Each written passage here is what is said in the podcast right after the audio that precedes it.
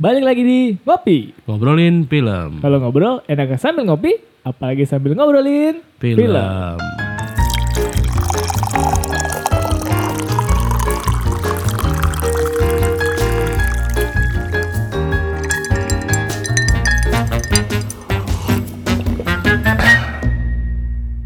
Hey, oke.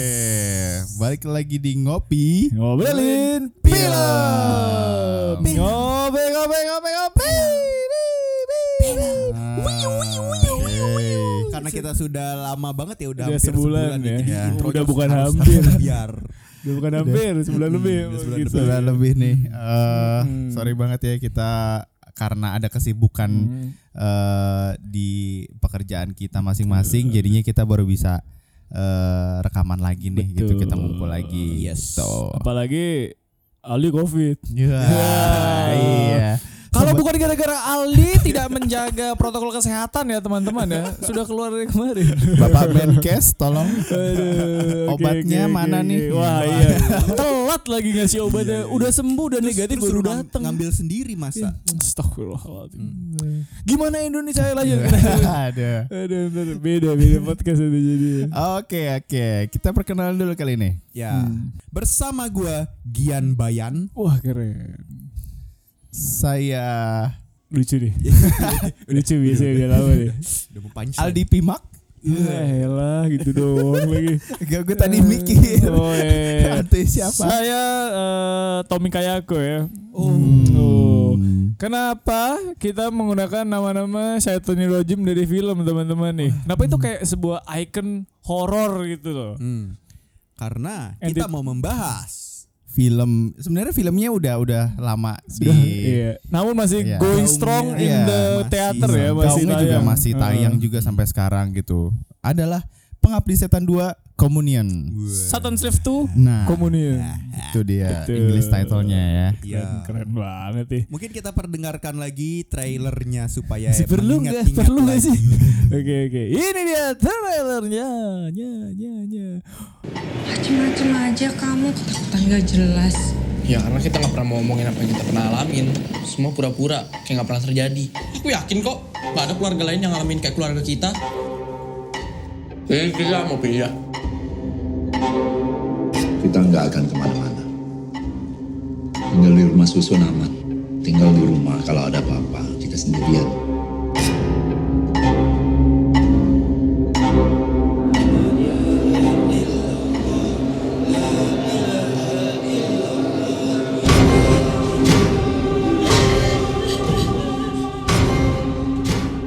Aku rasa ada sesuatu di rusun ini.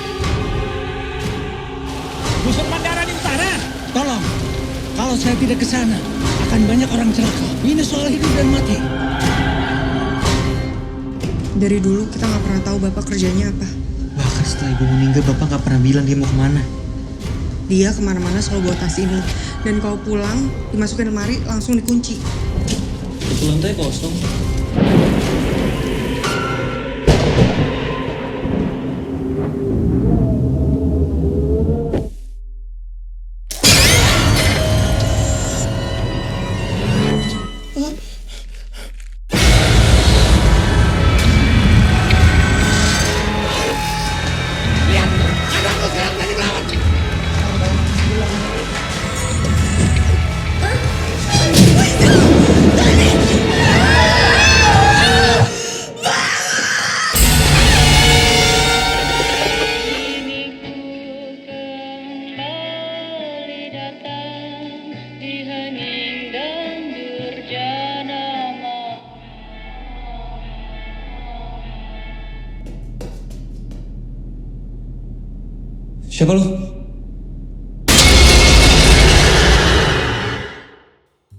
Oke oke oke oke. Jadi ini menceritakan tentang apa nih kalau gue boleh tahu? Gue agak lupa nih coba lo refresh dong. Anjir. Ceritanya itu adalah eh, setelah eh, apa namanya si keluarga Rini itu pindah dari rumahnya ke apartemen, ternyata eh, teror itu masih me- membayangi keluarganya gitu dan eh, sat- ternyata satu apartemennya juga gitu dan ada ada teror-teror yang menghantui satu apartemen itu. Gitu. Tuh, ternyata ada yang salah di rumah susun tempat mereka tinggal. Namun mereka tidak tahu apa yang salah. Sebenarnya ini kayak populer dari film-film horor yang sequel ya yang dikirain setelah mereka keluar dari tempat horor pertama mereka bebas tapi ternyata Teror terus, nyemplung iya. makin dalam.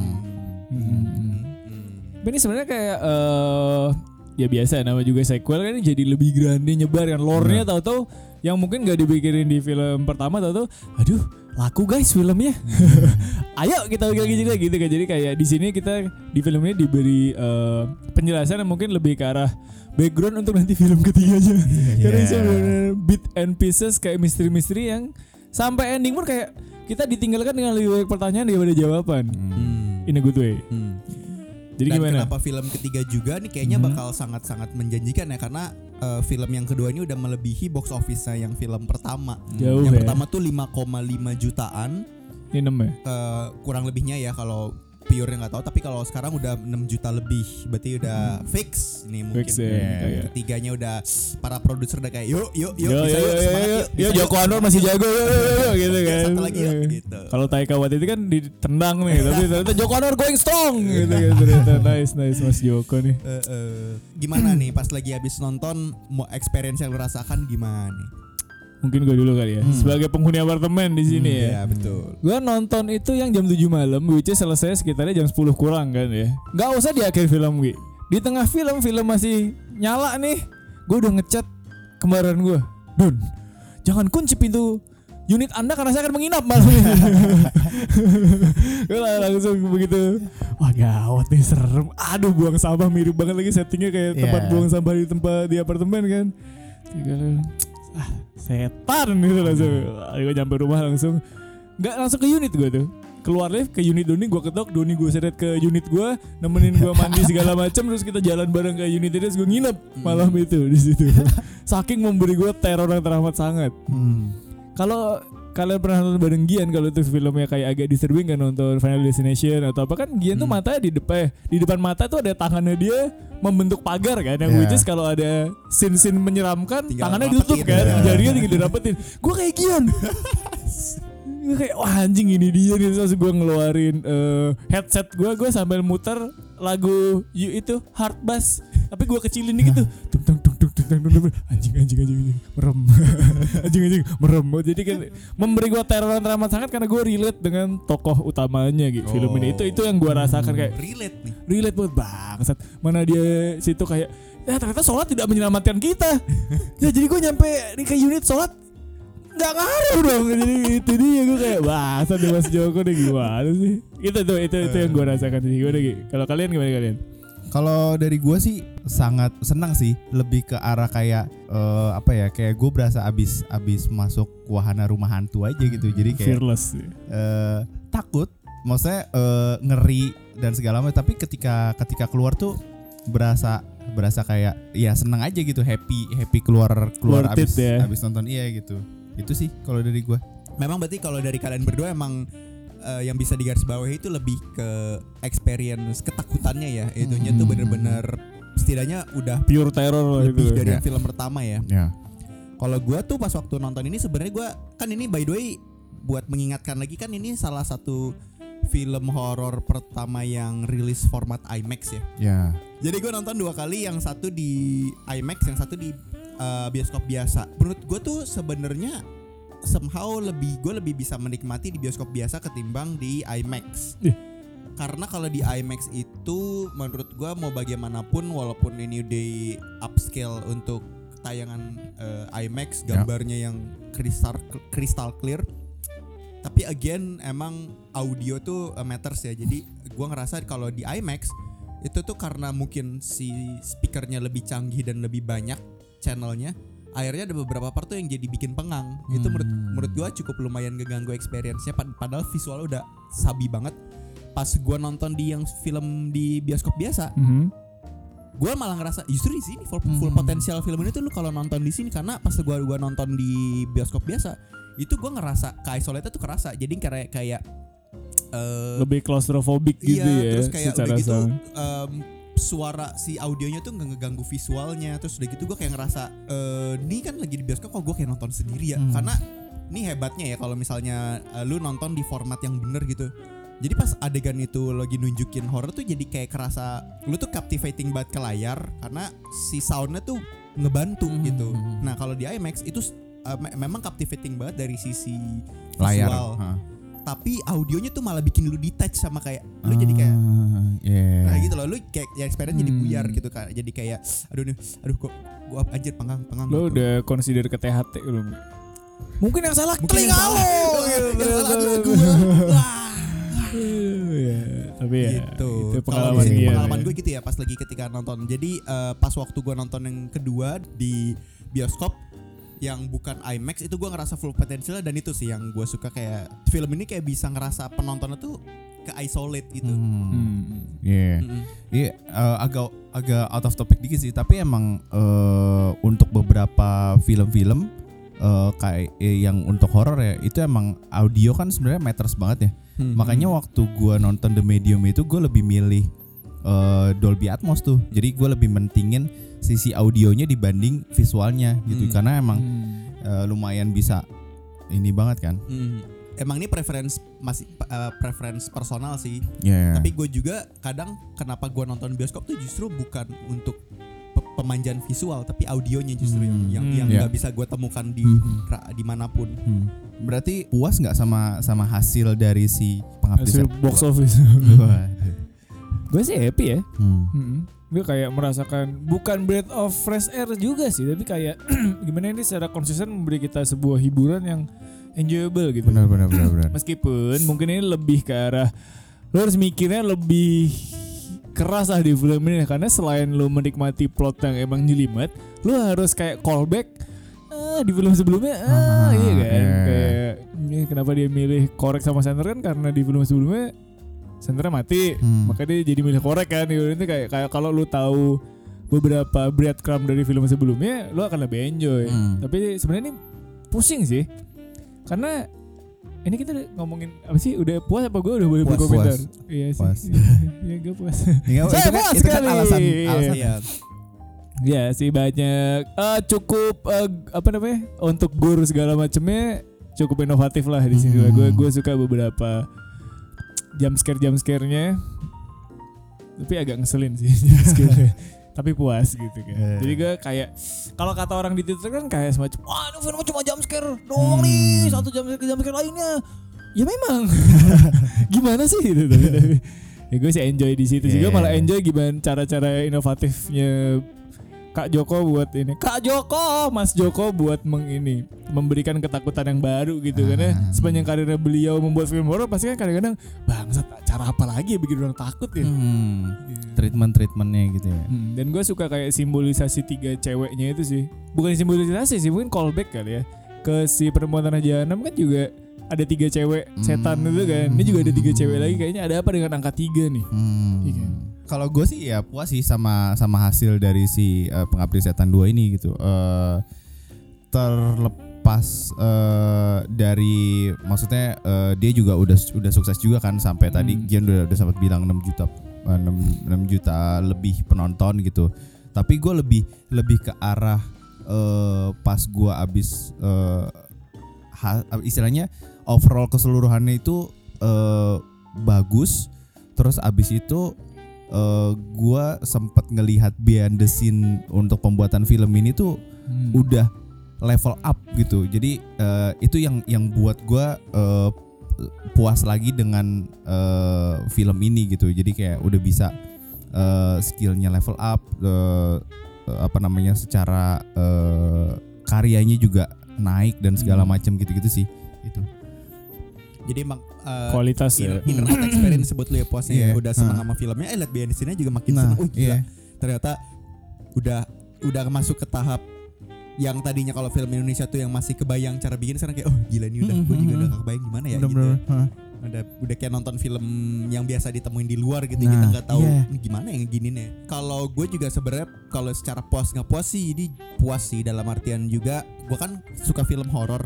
Jadi untuk tahun 2022 ini menurut gue eh, so far nih si Pengabdi Setan tuh udah masuk horror the best so far sih Hmm. Jadi menurut gue yang dari yang Wow, udah wow, udah ada gitu.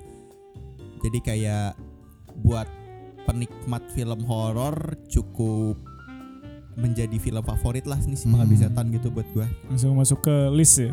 Mm-mm. Nambah listing. Uh, kan tahun lalu The Medium, terus eh The Medium itu tahun lalu ya? Apa tahun, tahun ini? ini. Oh sorry, berarti Pengabdi Setan nomor 2 Mungkin untuk yang lokalnya Itu film yang Indonesia. lokal iya Indonesia itu. Eh, kita lanjut ke bahasan berikutnya. Apa yang kalian suka di film ini? Yang gue suka sih, gue suka ini ya. Ah, gue suka ya namanya juga trope horror kan lo harus dikurung di satu tempat yang nggak bisa lari. Bener, kan. Jadi, jadi bener. kayak di sebuah rusun yang entah mengapa sendirian di tengah lapangan itu lalu banjir air rob gitu tahu-tahu gitu kayak ya cukup inovatif lah buat buat mengurungnya gitu kan gitu apalagi zaman zaman dibikin eh, zaman udah baru belum udah telepon eh Mhm. telepon bisa putus waktu-waktu eh, segala macem memang susah kagak ada gojek buat ke mana-mana eh gue suka setnya jelas dan gue ah, cukup mengapresiasi butiran-butiran misteri yang ada di film ini Hmm. ya gimana dia walaupun karakter kita kan clueless sebenarnya Ya. kita juga clueless kan tapi gimana kita bersama dengan tokoh utamanya itu bisa ngebahas eh, puzzle-puzzle itu yang meskipun agak ridiculous kan Hmm. Itu kan kalau tembok nggak dijebol kagak ketahuan ya. Yeah. Eh, di tempat itu ada apa? Benar. convenient sekali tetangga saya rupanya menjebol tembok beton gitu kan. Jadi kayak "Ih, oke. Dan kenapa tato dia ke rumah Pak RT ngecek satu-satu gitu kan. Hmm. lu berdua ngapain tiga orang ini? Eh? bapak lo baru aja tewas lo gitu loh. Kenapa lo malah jalan-jalan? Gak jaga adik lu sih malah main Scooby Doo lo keliling-keliling tuh ngapain juga kan? An- untuk gimana mereka nge-reveal misterinya gue kurang suka Hmm. cuman misterinya gue suka Hmm. oke itu satu terus gue suka gimana bahwa tiap karakter kita ini di samping plot horornya si Raminos Hmm. Raminon. Raminon bener kan Raminon. ya. Heeh, Raminon. si Raminon ini ternyata di tiap karakternya pun ada backstory mereka yang di mana tanpa perlu mereka masuk ke eh watchlistnya si Raminon ini mereka juga punya setan dalam diri mereka masing-masing gitu. Ya kan? Misalnya si misalnya si Tarik gitu tahu-tahu Ah. kan? Nah, di radio dia kayak yang tadinya berita berita-berita acan-acan kirim salam tahu-tahu kok berita horor gitu Hmm. tahu-tahu kan? Oh ada siksa kubur gitu kan? Terus dia juga diganggu setan segala macam karena apa? Oh ternyata dia ini pernah aborsi gitu kan terus gimana bahwa si Wisnu dia kayak bukan pintu Wisnu gitu kan Hmm. coba itu kayak memberitahu bahwa sebenarnya bahwa eh, dia bilang bapaknya kekunci nggak bisa keluar padahal kan sebenarnya mungkin yang kunci si Wisnu karena Yeah. itu kan bapaknya bilang buka Wisnu jadi gue suka mereka itu ada connection dengan Rojim tanpa harus masuk ke plot utama si tokoh si keluarga Suwono ini. Yeah. gue gue suka itu sih. Dan di mana pada akhirnya mereka kayak bersatu dengan satu tujuan keluar dari rumah susun. Hmm. walaupun gagal gitu. Iya. gue sukanya kayaknya sebenarnya itu aja deh. Dan gue kan suka world building. Gue suka effortnya Joko Anwar ini ngebikin ceritanya digedein lagi. Hmm. Gimana di Bosya ada pocong segala macam gue suka artnya jelas Iya, ya artnya kan wah, mahal banget tuh. Meskipun eh terus kenapa memangnya pocongnya terus ngapain? Hanya sejuta aja itu kayak dia sampai sampai ending nggak ketahuan kenapa itu harus orang nggak boleh tahu kan sampai harus bikin koran segala-gala itu. Ya meskipun emang mau ada convection besoknya ini nggak boleh keluar. Hmm. kenapa polisi yang nyuruh dia buat em, sembunyiin tapi ini harus jangan tahu tapi lo harus kasih tahu ke orang. Hmm. gitu kan kayak dan dia dapat senjata Ghostbusternya itu dari mana juga belum ketahuan kan apa ketahuan kan nggak tahu kan Mungkin itu amunisi-amunisi buat film ketiga kali ya. iya, Film ketiga iya. bakal fall apa all out film cultist gitu. itu dapat dari mana kan juga belum tahu kan. tapi Hmm. ya, gue suka inovasinya beliau lah apalagi yang adegan mereka main bekel lo udah pasti tahu kan tiga anak itu wah ada something wrong nih Yeah. nih anak-anak ini sudah pasti akan mati ada dead flagnya gitu kan mereka kan terus kayak jatuh dari lift segala macem Ya. sebenarnya itu aja yang gue suka Hmm. yang gue suka banget Ya kalau uh, gua kalau yang bikin uh, alasan kenapa ini menjadi film horor lokal terbaik di list gua adalah Tahun ini gimana ya. cara si film ini nakutin penontonnya sih. Kayak eh, balik lagi apa ya? eh, kalau ketika jump scare gitu kan sebenarnya mereka bener-bener ngegunain efek kejut di ngagetin kan yang di mana siapa pun pasti kaget lah dikasih jump scare dikasih gambar tiba-tiba dan dikasih audio yang tiba-tiba keras nah ini gue suka sih sebenarnya dengan eksperimen dan formula ngagetinnya sih justru ini re in, in apa reverse engineering kalau menurut gue jadi kayak kita tuh sebenarnya kagetnya sama antisipasi kita. Padahal di film ini tuh nggak nggak dikasih nggak dikasih apa nggak dikasih jump scare yang jelas-jelas ini selalu ngagetin. Walaupun yang kayak gitu tetap ada ya. Kayak mereka tuh jago jago main antisipasi jadi sebelum jump scare keluar tuh imajinasi penonton tuh udah liar dulu nih sama gua dikagetin ini gua dikagetin itu jadi jadinya Kamera udah panning nih. Pasti kayak panning balik ada setan kita pikir Ah, kayak gitu iya. kan. jadi pasti kayak ada ada ada satu momen kita udah takut siap-siap di jump scare ternyata nggak ada apa-apa Iya. and then ternyata nggak ada apa-apa nah tapi itu kan yang bikin lu jadi ngos-ngosan kan nonton naked jadi gue suka dengan formula yang bener tuh yang bagus menurut gue yang kayak gini nih Iya. dibanding yang kayak tipe cuma lagi diem coeng Iya. diem coeng gitu jadi kayak lu ditakutinnya tuh sebenarnya bukan sama uh, jump scare walaupun iya itu ada nanti di beberapa part tapi sebenarnya lu lebih yang yang membuat lu takut tuh antisipasi lu sendiri gitu yang ketika um, Hmm. misalnya ini menurut gua uh, golden scene-nya ya yang ketika si uh, Tony itu mau uh, nutup pintu tiba-tiba ada air netes ke, ke kepala pocong. And then adegannya menurut gue brilian banget nih. Dengan dengan dengan koreknya si Tony si audiens malah dideketin sama sumber yang bakal ngasih jump Ya. scare mereka. Lagunya malah di, di- dikecilin yang di mana uh, kita kan subconsciously tahu akan jump scare itu kan dari informasi lagu kan. Nyeng nyeng nyeng nyeng. Wah lagi jump scare lagi jump scare. Bang, gitu kan. Eh. nah ini dia di reverse engineering. Jadi kayak justru ketika kita tahu formula jump scare itu kapan keluar ini nggak di nggak dipakai. Jadi kita sebagai penonton tuh jadi insecure kan. Jadi ya udah itu kak merasa terisolate dengan filmnya suasananya nggak enak terus kayak eh, si adegan nakutinnya ini yang gue juga suka ya di kalau kalian perhatiin lagi kalau misalnya nonton lagi mungkin nanti ada di streaming. Eh, si pengabdi setan yang kedua ini ketika dia mau jump scare itu nggak nggak diganggu. Nggak diganggu sama cut nggak diganggu sama pokoknya bener-bener dikasih apa ya in and out experience. Misalnya si karakter ini tuh lagi nge si ngedeketin si sumber terornya. And then pas lagi kita semua udah siap-siap akan jump scare terjadi yang film ini lakukan dimatiin. Plek black screen. Itu split second lu kayak in pain tuh. Mampus terus oh nggak ada ceng. Gitu. Yeah. jadi itu ma- di main temponya bagus banget. Menurut gue Yeah. dan itu nggak cuma sekali berkali-kali gitu. Dan sampai Setuju, setuju, sampai setuju. mereka agak bercanda. Udah wah nih siap jump scare yang kayak Pak Ustadz? Iya ternyata aduh Yeah. ngelucu ngelucu. Lucu formula itu di di, di dipraktekin lagi. Pak Ustadz ah ini mah ini mah lucu ceng ngagetin. Gitu. Maksud gue itu sih menurut gue yang menjadi the the amazing ya amazing part dari film horor yang film ini eh, maximize gitu potensialnya dan ini eh, yang menurut gua eh menjadi hal penting yang bikin gua suka bahwa sebenarnya film horor itu tuh justru permainan sempurna audiovisual justru Hmm. lu harus lu harus witty lu harus tricky gitu Iya, untuk iya. bikin eh sajian horor yang bagus. Kalau dari gue sih mungkin itu ya, eh, yang gue mau ma- menggarisbawahi sisi itu sih yang di mana kalau misal kalian sadar nih sangat bisa banyak dijadikan eh, Reference. reference Hmm. dan kamus baru untuk Ya. filmmaker filmmaker horor.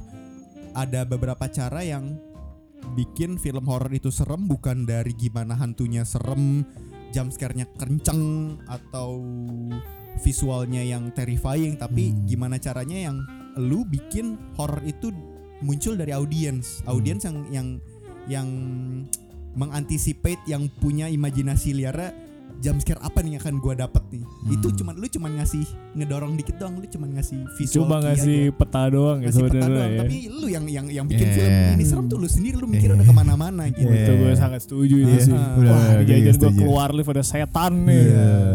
Iya, itu setuju banget sih gue itu eh, apa namanya yang yang lu jelasin tadi tuh. Ya, emang eh, temponya itu eh, jago banget dan eh, ya ini sih eh, apa ya mungkin juga bisa bisa jadi jadi ref bener kata Gian reference dan eh apa ya lebih ke arah eh karena gue ngeliat belakangan ini tuh beberapa film yang terlihat eh, film yang genrenya sama terlihat menor karena eh, dia mau ngagetin atau mau ngasih teror tapi eh, karena adegannya itu mungkin menurut dia ah kurang nampol nih dita- di ditam- diangkat pakai visual eh pakai pakai audio gitu. Jadinya jadinya menor banget menurut gua gitu. Nah mungkin bisa belajar sama sama sama treatment kayak gini nih untuk next nextnya buat buat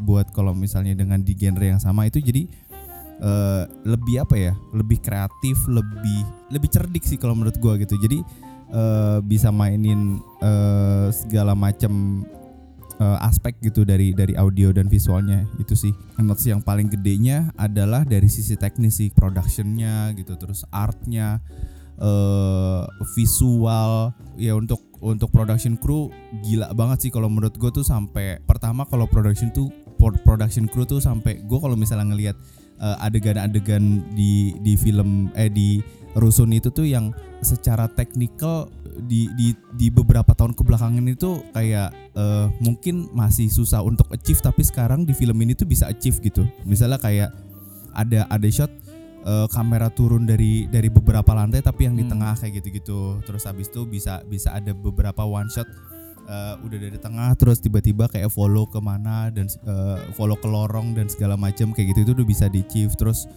iya yang kayak tadi ada beberapa pocong di di boscha itu terus eh, dan ternyata eh, itu dan ternyata itu adalah bukan boscha beneran tapi eh, 3D set gitu eh, pakai eh, istilahnya pakai teknik manipulat manipulasi gitu yang di post pro gitu yang eh, wah kita apa namanya skala skala produksi kita tuh udah bisa sampai situ ya udah sampai selevel itu udah Gua udah tahu loh itu- advance banget itu gitu eh, nggak real set itu nggak real set berarti ya? itu nggak real set. Oh, itu Hmm. berarti amazing udah Hmm. udah keren juga ya tipe apa Sebenarnya kalau nonton di kita ya. IMAX IMAX sih kelihatan. Iya. ya. Hah.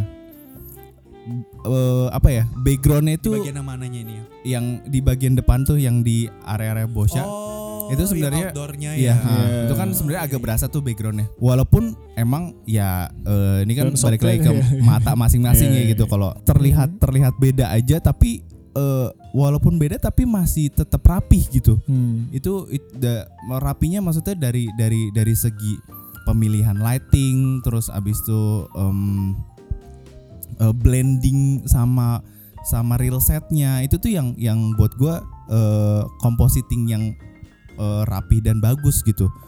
Eh apa namanya yang yang pernah kita buat gitu. Jadinya yang wah eh, keren banget nih. Terus habis itu ngebikin eh, rusun itu eh, jadi bener-bener tempat yang out of nowhere gitu. Yang di tanah lapang gede banget. Padahal kan sebenarnya itu real setnya kan eh, ada di di misalnya ada pemukiman kiri kanan dan segala macam gitu-gitu. Jadi sih eh, kalau kalau gue itu sama ya ngebikin wahananya ini tuh emang beneran eh ya kita ngikutin kita nyari ya kayak tadi Tommy bilang kita nyari clue bareng sama karakter yang ada di film itu gitu. Jadi kita jalan bareng mereka gitu. Istilahnya eh, kita masuk masuk ke wahana rumah hantu itu sama si karakter-karakternya itu gitu terus dikagetin bareng ya udah kita kaget dia juga kaget Nggak Terus- ada ininya ya, apa?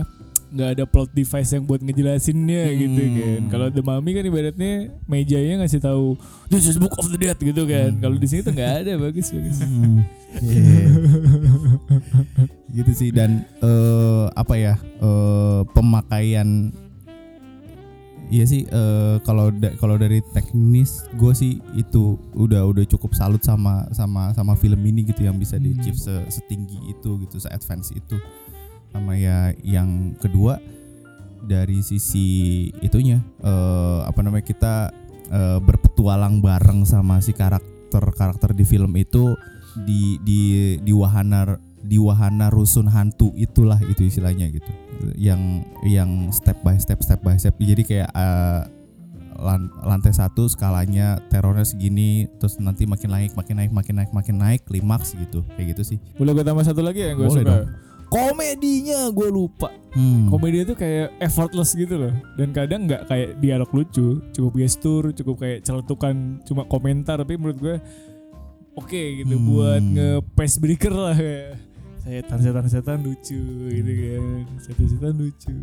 Kok setan? Tahu-tahu gitu. Jadi kayak bagus. Gue enjoy di situ. Meskipun gue udah lupa jokesnya kayak apa tapi gue inget saat gue nonton yang jokesnya bagus. yang sekuen-sekuen Pak Haji itu berarti? Anti, pokoknya itu si tiga orang ini Oh, trio libels itu gue iya, kayak iya. wah Trio ini. Libels. Habis apa ya trio gue apa nama trio yang terkenal masa gue bilang ini trio. Trio libels aja lah. Trio libels itu komedinya gold sih. si Tony Hmm. pun juga si Tony tuh ekspresi wajahnya tuh gue suka banget. Cie.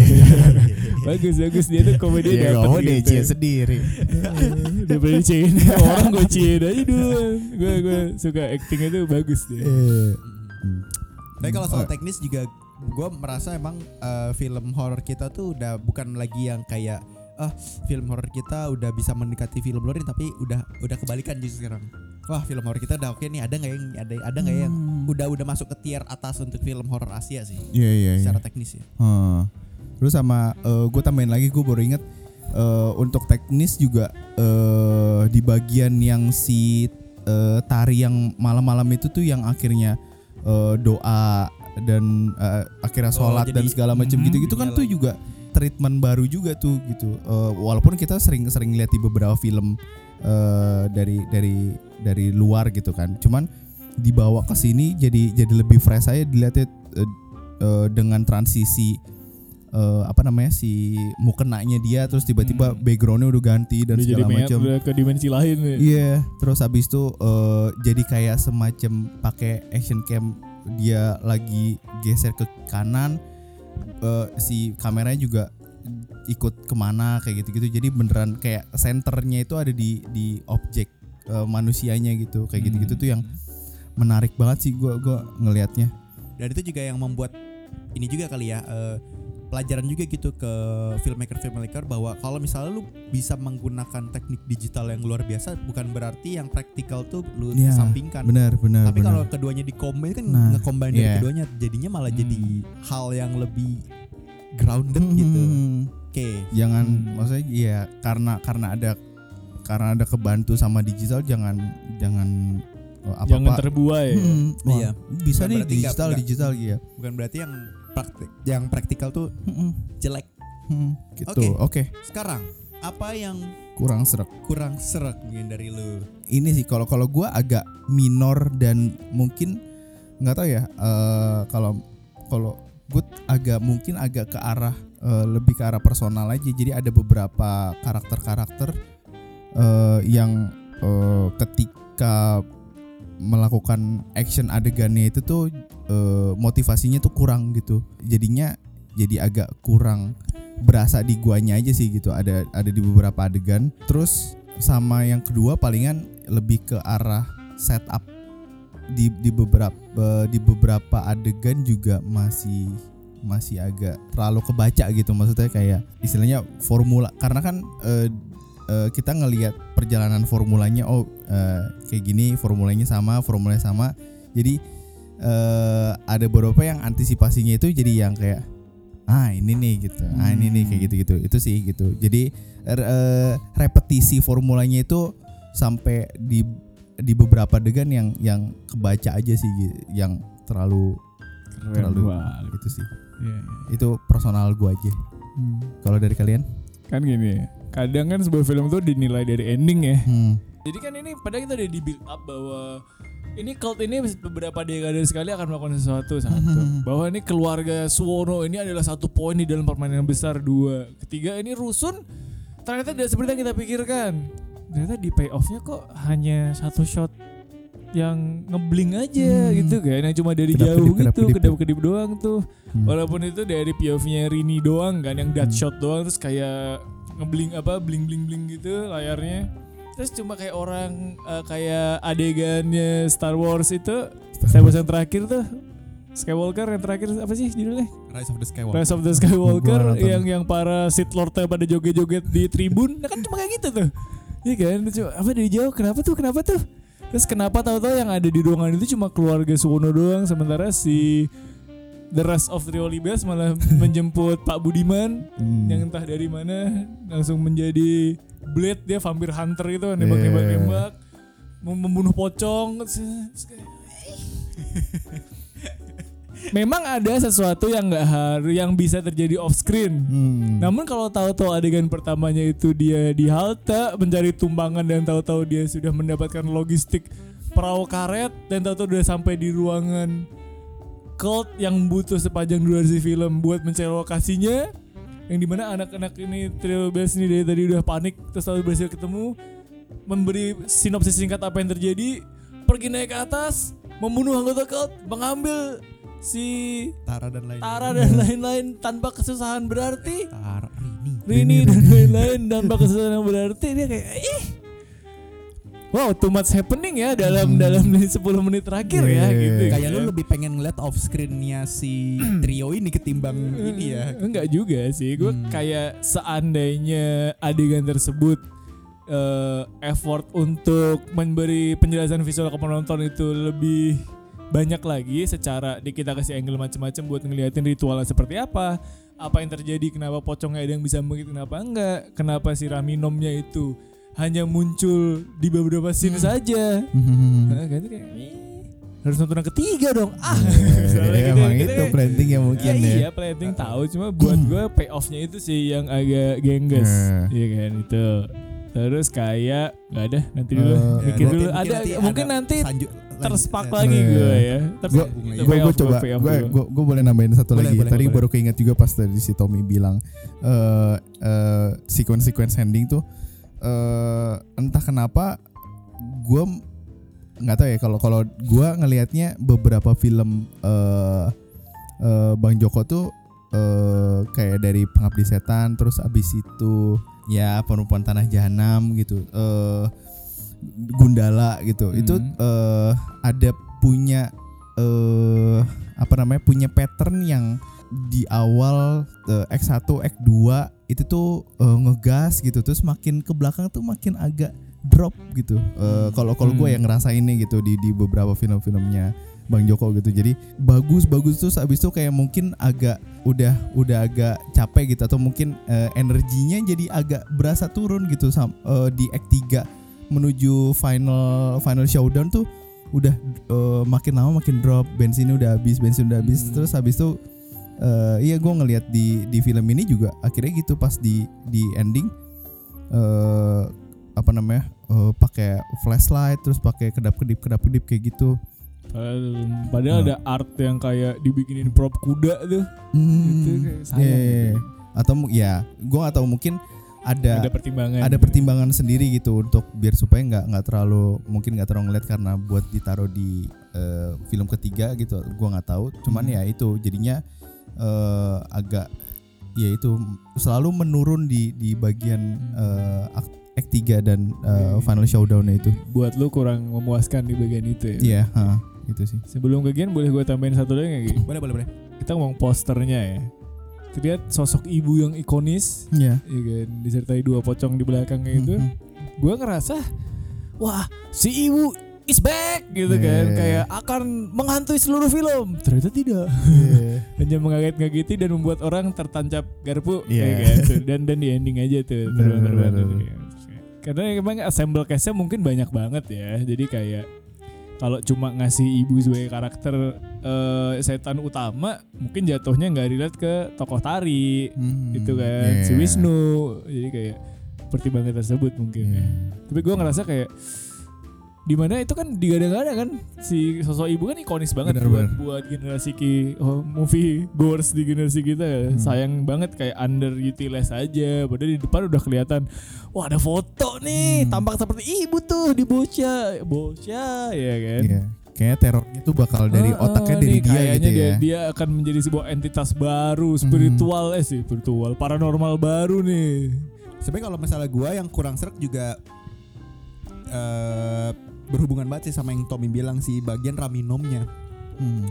Gue juga ada ngerasa sedikit kena false advertisement plus emang antisipasi gua terlalu besar bahwa film ketiga ini source of conflict itu benar-benar akan 100% dibawa sama si Raminom kan Hmm. udah kelihatan tuh di film awal-awal ketika teror itu mau mulai muncul kan yang tiba-tiba yang dari eh, TV tiba-tiba muncul si Raminom itu kan Hmm. gue kira tuh dia jadi kayak eh, ya ratu ilmu hitamnya lah gitu di dalam film ini yang menjadi eh, setiap ada sesuatu horor yang terobrak-abrik selalu ada dia gitu selalu ada dia yang micu gitu atau eh, mungkin si hantu-hantu yang sebenarnya ada dari pocong atau apa sebenarnya bisa di replay sama dia gitu gue tuh berharapnya Hmm. dia tuh lebih banyak menjadi Spotlight. spotlight yang ngebawa konflik ke apart ini ketimbang uh, hantu-hantu lain karena itu kan jadi kayak justru yang bikin gua suka kan si salah satunya juga si creature si Raminomnya kan yang Hmm. waktu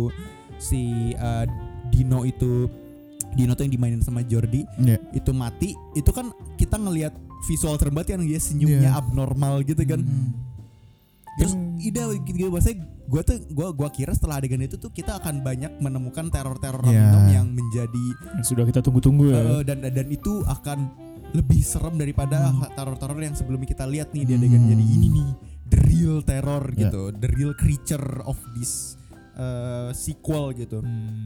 Jadi eh, kalau dari Kayak, kayak lo berharap ini sebenarnya setan itu kayak The Grudge ya bisa pindah-pindah emang entitasnya itu yang berpindah kutukannya jadi nggak terikat ke satu lokasi atau satu Mm-mm. keluarga cuma bisa pindah harusnya gitu ya dan dan yang tadi sempat kalian bilang tadi karena kan ensemble castnya gede terus eh, takutnya Raminom nggak relate ke semua konflik dari Hmm. tokoh-tokoh ini justru Hmm. kebalikan menurut gue gue tuh berharap justru Raminom itu justru yang bikin mereka jadi punya satu cause punya satu source of terror punya satu problem baru gitu.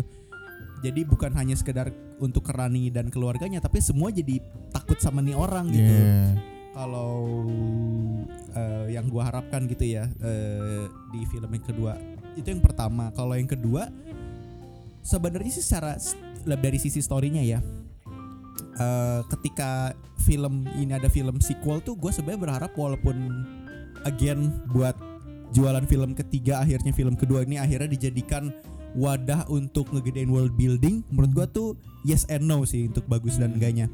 Bagusnya adalah eh, lebih rich eh, universe lebih expand kita jadi ya kayak sekarang tadi ngobrolin jadi ya harus nonton film ketiga ya jadi Yeah. menanti gitu jadi kayak semacam menanti kapan film ketiga ini rilis nih. Hmm. sehingga lo jadi lupa sama film keduanya ketika nanti film ketiga muncul jadi kayak film itu jadi nggak bisa nggak nggak nggak Nggak bisa for jadi itself. Heeh, nggak jadi kayak jadi kayak komplimen Hmm. komplimen film ke satu is jatuhnya film film film komplimen film ke satu buat lu puas di film ketiga jadi menurut gua eh, ada baiknya juga sih kalau misalnya film mau itu film kedua mau itu film ketujuh mau film ketiga se- ketika film itu ditonton standalone tuh lengkap dari sisi itunya. Tuh gua gua gua gua Hmm. itu yang bikin gua juga kurang sergi karena gua ngerasa jadi sebenarnya film kedua tuh biasanya nggak selesai ya gitu. Hmm. kalau nggak ada film ketiga udah dong kita selama lamanya kan di film kedua adalah jadi nggak selesai dong ceritanya. Itu sih jadi eh gue juga mengharapkan mau ini film keberapapun mau ini buat planting film selanjutnya sih lebih baik sih film itu dikelarin sih karena keren karena saya emang ke gue mengharapkan ah keren banget dia Ih, serem. Tapi it- itu uh, ini ini maksud gue dampak buruknya dengan kayak gitu ya. Akhirnya tuh jadi rep- repetition, repetition menurut gue dalam artian sebenarnya ini film kedua sama film ke satu sama kan flow-nya. Hmm. Ada keluarga kena teror horor. Terus ternyata teror ini berasal dari satu entitas, terus and then membuka misteri yang lebih besar. dan yang mau nyelamatin Mm-mm. di tengah jalan mati Kedua kedua gitu ustad juga. gitu ya, Enggak, kan? kedua gitu juga kan. iya gitu juga Sedangkan harusnya kan kalau film pertama itu film kedua jawaban film pertama kan. Maksud gua ngomong kayak gini lah, gua berharap sih semoga film Hmm. ketiga tuh nggak kayak gitu. Jadinya nanti film ketiga jadi sama terus buat film iya, keempat gitu loh. Hmm. Gua sebenarnya ini eh, ini sih per- curhatan gua aja sih sama kenapa Hmm. eh, sama sisi buruk ketika film itu udah mulai film tuh seka- sekarang kalau bikin film tuh lu nggak bisa bikin film kalau nggak bikin universe Hmm. nggak bikin trilogi gitu film tuh harus trilogi ya aim for the franchise Uh, uh, gitu aim ya. for the franchise itu tuh menurut gua dan ini juga uh, menurut gua si si hal kayak gini juga mindsetnya kan sebenarnya di di di dibentuk sama Hollywood kan. Ya. Nah akhirnya kadang-kadang gue juga kayak lebih kecapek aja sih. Aduh film tuh nggak nggak satu aja ya gitu, satu aja tapi oke. Dan Iya. let let itu bi- jadi jadi kayak masterpiece aja gitu. Karena Oke. film ini sudah dikupas oleh banyak orang yang mungkin lebih kompeten dari kita Iya. sepanjang sebulan ke belakang Iya. ya. Dan- Mungkin mungkin Dan lebih dulu ini, kan. dan insight ya. insight kita gue rasa tidak akan menambah value di situ kan sebenarnya kan. Iya. Wah ternyata misterinya sudah selesai. tidak perlu ada ngopi gitu. atau kan. atau mungkin episode ini hanya cuma selingan saja gitu Oh, didengar gitu kan. Coba. Tapi again kan emang Hmm. ini kita memang buat emang isinya experience kita aja Iya, ya. iya, Kita, betul. kita nggak ada tanggung jawab untuk memberi insight yang lebih ya. Aduh, Oke oke Oke, Oke sih. eh, Tapi berdaging loh gue kangen ngobrol sama kalian terus ngomongin film kayak gini. Iya. Pulang kan gitu. Ya ya ya. ya. Oke oke. Eh ke Eh sorry satu lagi ya sebenarnya ya. Nama juga film yang bagus adalah yang nggak berhenti di saat credit title kan. Menurut gue Hmm. Bang Joko berhasil di sini kan. Bahkan Oh ini yang bagusnya. Iya, Oh, bahkan iya, sampai kayak ah film jelek kan selesai credit title kita kata-katain pulang besok kita lupa. Cuma film ini kita keluar keluar bioskop menuju parkiran masih ngobrol di, di dalam perjalanan pulang ngobrol besok besoknya masih ngobrol sekarang ngobrol pun juga masih relevan Iya. jadi gue ngerasa ini film yang di satu sisi nggak di satu sisi ya di banyak sisi berhasil film ini Hmm. sebenarnya jadi gue itulah memberikan tiga jempol Hmm. gue pinjam jempol Gian satu Iya, boleh boleh boleh. Ya. Oke, eh Besin. Oh iya masih ada ya. Masih ada. Saya lupa. Gue kira kita saya juga lupa kita tuh ada Besin ya Ya udah, gua- dari Aldi dulu kalau nih gua sih biar gak Oh, dicolong. iya, iya, sih besin siap. udah yang Eh. bagian si eh, Tony itu dengan koreknya mau Oh, yang tadi ya? ngegeser pocong yang ket- Ah. ketetesan. Eh itu juga pelan pelan. Iya.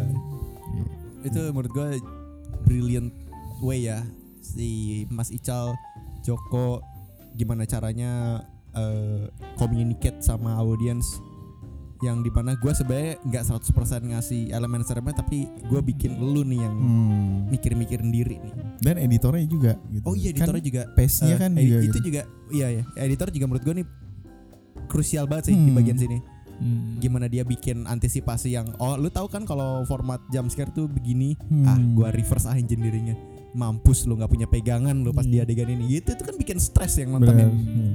Sama sama itu sound mixingnya juga tuh. Yang yang lu tadi bilang ketika mau istilahnya ketika mau dikasih jump scare kan di dimatiin kan Hmm. audionya di dimatiin musiknya itu, itu, kan cue ke audiens semua film horor tuh Bener. ah, mau jump scare iya iya Heeh, Dan- dimatiin dimatiin terus habis itu kita juga kayak berasa eh ke ke solitude di di di bi- dalam bioskop kitanya nahan nafas otaknya punya antisipasi ya, Mm-mm. eh, ternyata terus di adegan itu juga sama kan kondisinya di di posisi yang di mana si si Tony itu bakal susah banget mau kabur Iya. karena dia kalau mau kabur cepet-cepet koreknya mati hmm, mau kabur pelan-pelan eh, maksudnya sorry kalau mau kabur mau kabur cepet-cepet itu udah korek mati bisa kepleset bisa Iya. nabrak bisa apa yang Hmm. lebih membahayakan jadi mau nggak mau lo harus lalui kan Hmm. Nah, itu tuh menurut gue ya salah satu yang terlihat sederhana tapi tuh susah banget tuh ngedesain kayak Iya. gitu tuh situasi gitu gue sebenarnya ada dua sih yang pertama bagian si eh ta pertama tari yang eh, ngumpet di di apa namanya tuh tempat Tempat. pembuangan sampah itu tuh Hmm. itu eh, buat gua sih eh, secara eh, pertama kalau misalnya secara teknis penyampaian si tempat pembuangan sampahnya eh, shotnya dan segala macam itu buat eh, bener-bener claustrophob claustrophobic yang beneran wah sempit banget. Terus abis itu lu nggak bisa ke mana-mana dan segala macam sam- sampai eh, pacingnya juga beneran temponya makin lama makin naik makin lama makin naik terus eh, dan efek eh, praktikalnya juga buat gue kayak ah, i- Nyeri gua- ya, nyeri iya, ya, nyeri ya. banget gitu. Dia eh, dan berasa aja gitu eh, dari dari sound efeknya juga segala macam bisa keluar suara eh, terus kegeser kulit kegeser kayak gitu. Ih. Dan dan dan gue tuh paling eh, ngilu ketika kalau ada ada adegan berbau dengan eh, berbau eh, kuku yang harus Hmm, kegesek scraping ya, scraping Iya, gitu ya. itu tuh yang gue tuh paling nggak bisa tahan deh tuh dan dan di situ kan ada tuh eh, bagian-bagian itu tuh yang ah itu itu itu paling the best sih. Eh gue gue suka itu eh, comedic timingnya Pak Ustadz sama si Tony sebenarnya. Nah, iya, itu iya, itu iya. itu salah satu best Hmm. tuh. Sequence-sequence mereka tuh comedy gold lah di sini. Hmm. Seorang yang udah punya pengalaman spiritual beneran Hmm. melawan seorang ustadz yang tidak percaya karena keimanannya pada Allah gitu. Jadi kayak enggak setan mah enggak ada, Bro gitu. Tapi kayak Setan tuh takut didoain. Setan tak itu hanya manifestasi. Jadi kayak, ya, gue pikir dia bakal tetap menjadi comedic timing di akhir. Dia Yeah. dia datang kayak misalnya naik perahu nih, Ustaz masih hidup. Tuh kan nggak ada setan. itu kayak kayak lucu ya sebenarnya. Tapi Ya sayang sekali. mati ya Ma- Itu tuh bagus ya Mati. lu udah suka sama karakternya ah sayang banget tuh dimatiin ya Eh, selalu Ustadz ya. mati bang Ustadz Ustadz bang Joko tapi bagus gue kemarin dengerin uh, bang Joko bilang kenapa Ustadz selalu mati di film anda gitu Iya. kan dan dia bilang bahwa lo justru itu kata bang Joko Ustadz aja yang imannya mungkin lebih baik dari kita tetap bisa sama setan tuh diapa-apain apalagi kita yang tidak beriman Ya, asik, asik, asik. makanya sholat kalian gitu loh ya tau nanti gue sholat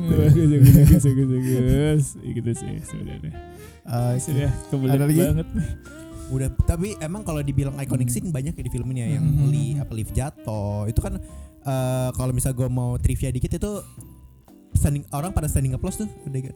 Hmm. Baru Lu nonton sama psikopat berapa orang gitu lihat Iya. ada adegan Adegan lift itu jatuh tepuk tangan semua. Iya juga ya. Lu Iya kayak juga sih. jadi jadi jadi Nah, ada pas waktu gua nonton tuh ada ada dua scene yang standing applause satu yang si Lift lift jatuh. jatuh, satu lagi yang adegan si Andi Andi yang eh, yang yang yang favorit scene gua itu Hmm. orang pada standing applause Hmm. Dan habis itu eh, makanya itu pas gua nonton di IMAX makanya sebenarnya Oh. mungkin salah satu juga kenapa gua lebih dapat experience terornya di nonton bioskop biasa karena tapi lebih kayak private watch aja gitu Oh, yang, iya, yang iya, nonton iya. udah nggak sebanyak itu gitu. Hmm. Oke oke oke. Tuh, gecoh. Oke, Bagus bagus ya. kita tutup aja eh, episode kali ini dan punya eh, pendapat yang berbeda sama kita atau misalnya punya eh, Insight insight yang kita atau terlewat. misal experience yang berbeda sama kita boleh cara-cara kita di sosial media kita di Instagram dan Twitter at ngobrolin film P I L E M. Oke Yeah. segitu dulu eh, episode kali ini. Eh, terima kasih teman-teman yang udah mendengarkan episode ini. Sampai jumpa di episode berikutnya. Dadah. Bye.